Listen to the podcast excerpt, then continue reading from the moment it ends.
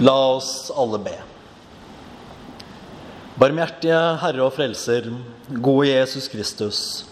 Du som kaller oss til å forlate alt for å følge deg, og løfter opp de lave så de siste blir de første. Vi ber deg, bevare oss framfor alt fra vantroen, og la troen styrkes i oss, så vi ved den kan nå fram til frelsen og det evige liv, der du troner i det høye. Du som med din Fader og Den hellige ånd lever og råder, er en sann Gud fra evighet og til evighet. Amen.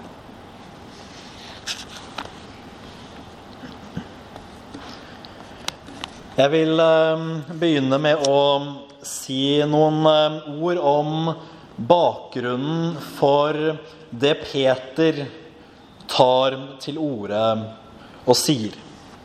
Hvorfor har han denne bekymringen? Hva da med oss? Vi har jo for å forlate alt for å følge deg, Jesus. Hva skal vi få? Bakgrunnen for dette er jo fortellingen om den rike, unge mannen som mange av dere kanskje har hørt før. Men kort oppsummert en mann som kommer til Jesus og lurer på hva han mangler. Han sier, 'Jeg har jo holdt alle budene', sier han. For Jesus sier til han, 'Hold budene, så skal du leve'. Alt dette har jeg holdt, Jesus. Hva mangler jeg? Og hva er det som skjer da?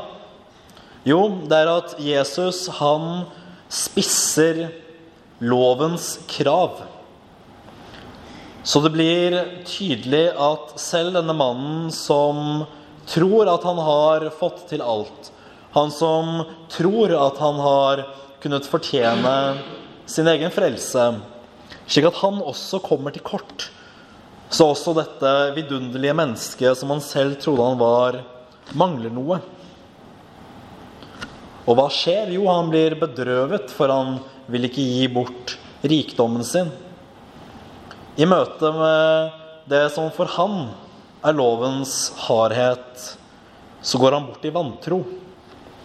Dette er et eksempel på egenrettferdigheten. Han som ville frelse seg selv og ikke hadde behov for en frelser. For han var ikke en synder. Og når han fikk høre dette, da gikk han bort. Mange, meg selv inkludert, synes det er interessant at Peter her ikke irettesettes. Hva skal vi få? sier Peter. Det er jo som om han følger Jesus av urene motiver. Jeg vet ikke om det bare er meg, men for mine ører høres det rimelig egoistisk ut, det Peter sier. Er ikke Jesus frelsen god nok i seg selv? Som at han da i tillegg måtte spørre hva får jeg ut av dette? Men det, men det, Jesus derimot gjør, det er å love Peter og de andre apostlene stor belønning og herlighet. Altså ingen irettesettelse.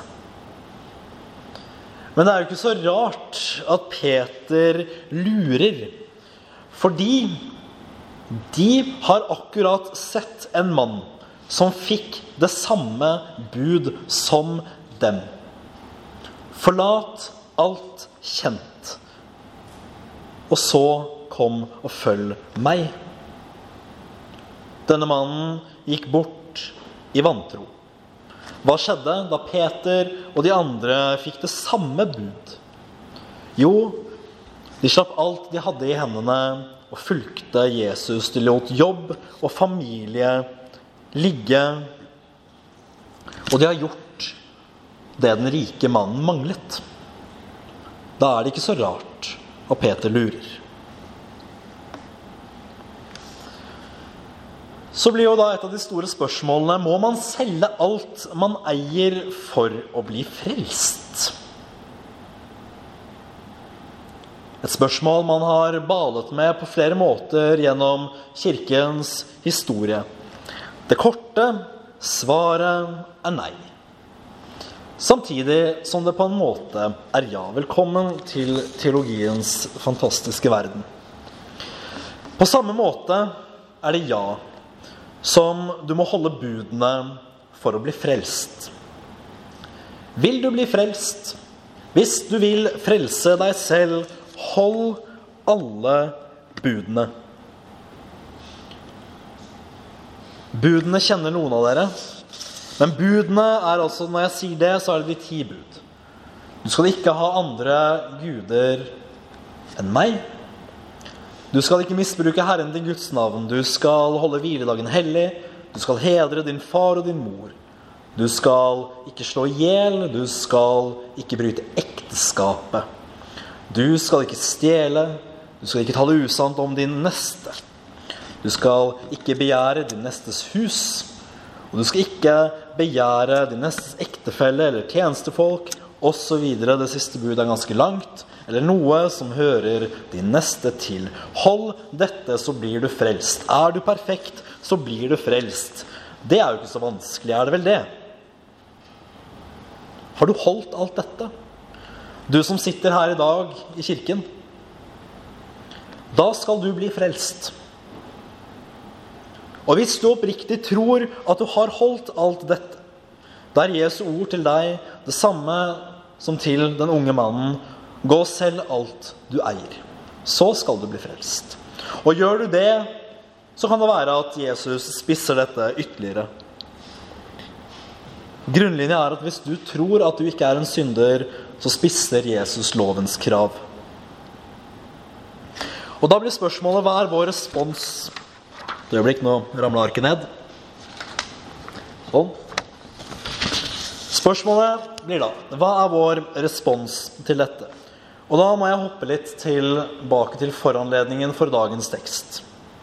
For disiplene, når de hører det Jesus sier til denne unge mannen, de blir forferdede. De lurer på hvem som kan bli frelst. Svaret er ingen, samtidig som det er alle. Spørsmålet det koker ned til, er hvordan vi svarer på lovens knallharde krav. For loven, den krever et svar. Den krever et svar der den avslører oss, den avkler oss og stiller oss nakne framfor oss selv.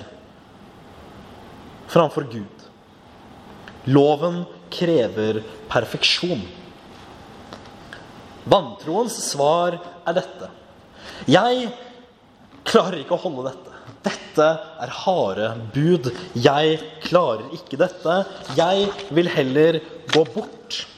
Jeg vil gi opp og fortsette i mine synder. Kanskje tenker man til og med at nei, jeg er vel ingen synder. Det er vantroens svar. Men hva er så troens svar? Jo, troens svar er jo noe helt annet. For troen er ikke så veldig mye mer enn dette. At når du ser at du er en synder, så ser du samtidig at Jesus Kristus er en frelser. Og du ser ikke bare at Jesus Kristus er en frelser som er langt borte. En tilfeldig utskjært figur på et kors eller et alterbilde. Men du ser at Jesus Kristus er en frelser for deg. For oss.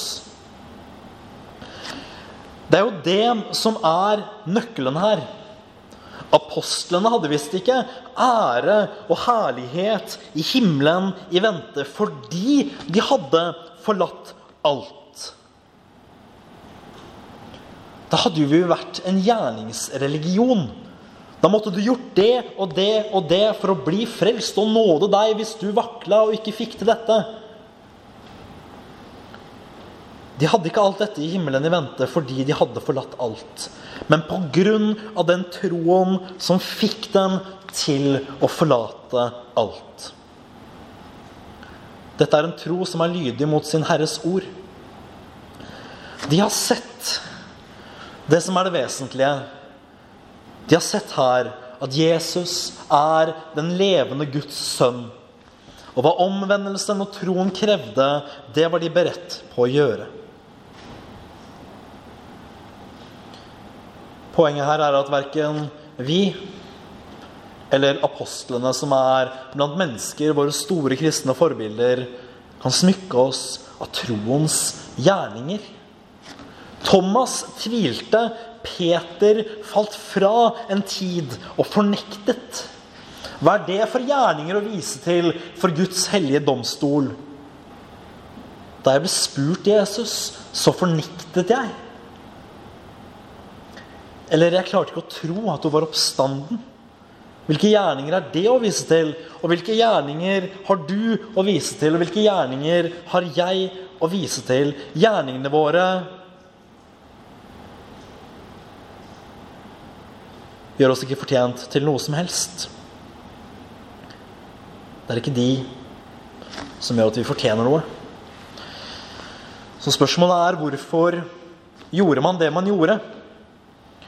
Hvorfor forlot man alt? Hvorfor solgte man alle sine ting? For å fortjene? Eller for å være lydig mot din herre og mester?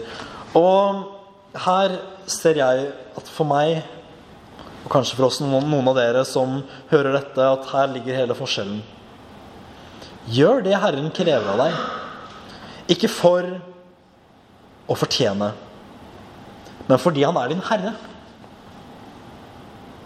Jesu ord til den rike unge mannen var ord til den rike unge mannen. Ikke nødvendigvis ord til alle oss her i dag. Men hvis Jesus har et sånt bud til oss i vår egen rettferdighet, er vi da beredt til å gjøre det, ikke for å fortjene, men for å lyde Han som allerede er vår Herre og Mester. Og Det er nettopp her vi ser troens under. At vi, når vi ikke klarer å frelse oss selv fordi hvis vi gjør ting for å bli frelst, så gjør det at vi ledes motsatt vei.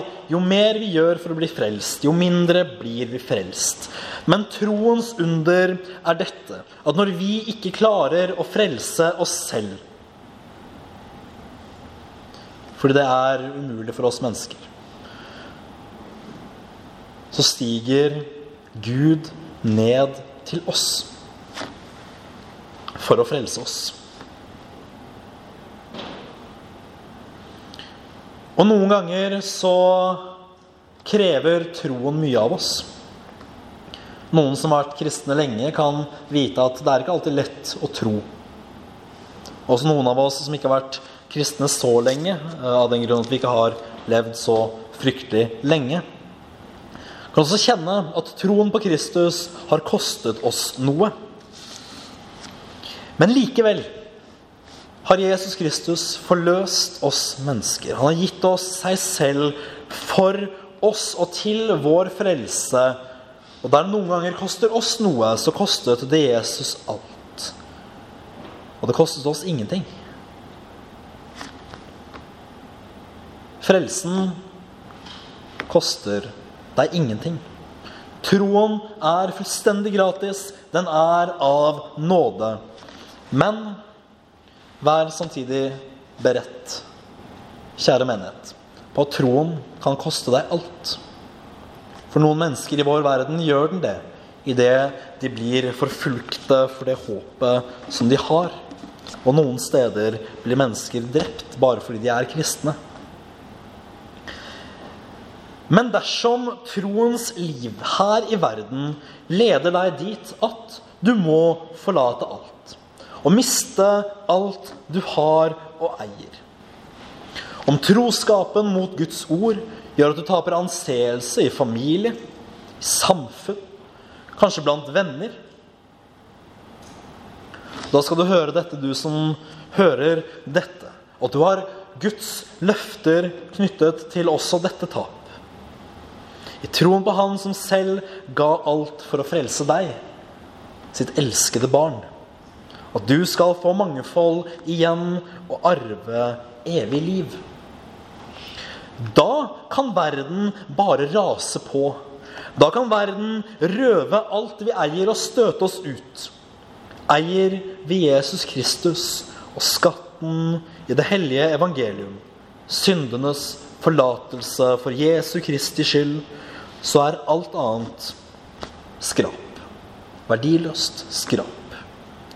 Har du Jesus, så har du alt. Ære være Faderen og Sønnen og Den hellige ånd, som var, er og blir en sann Gud, fra evighet og til evighet. Amen.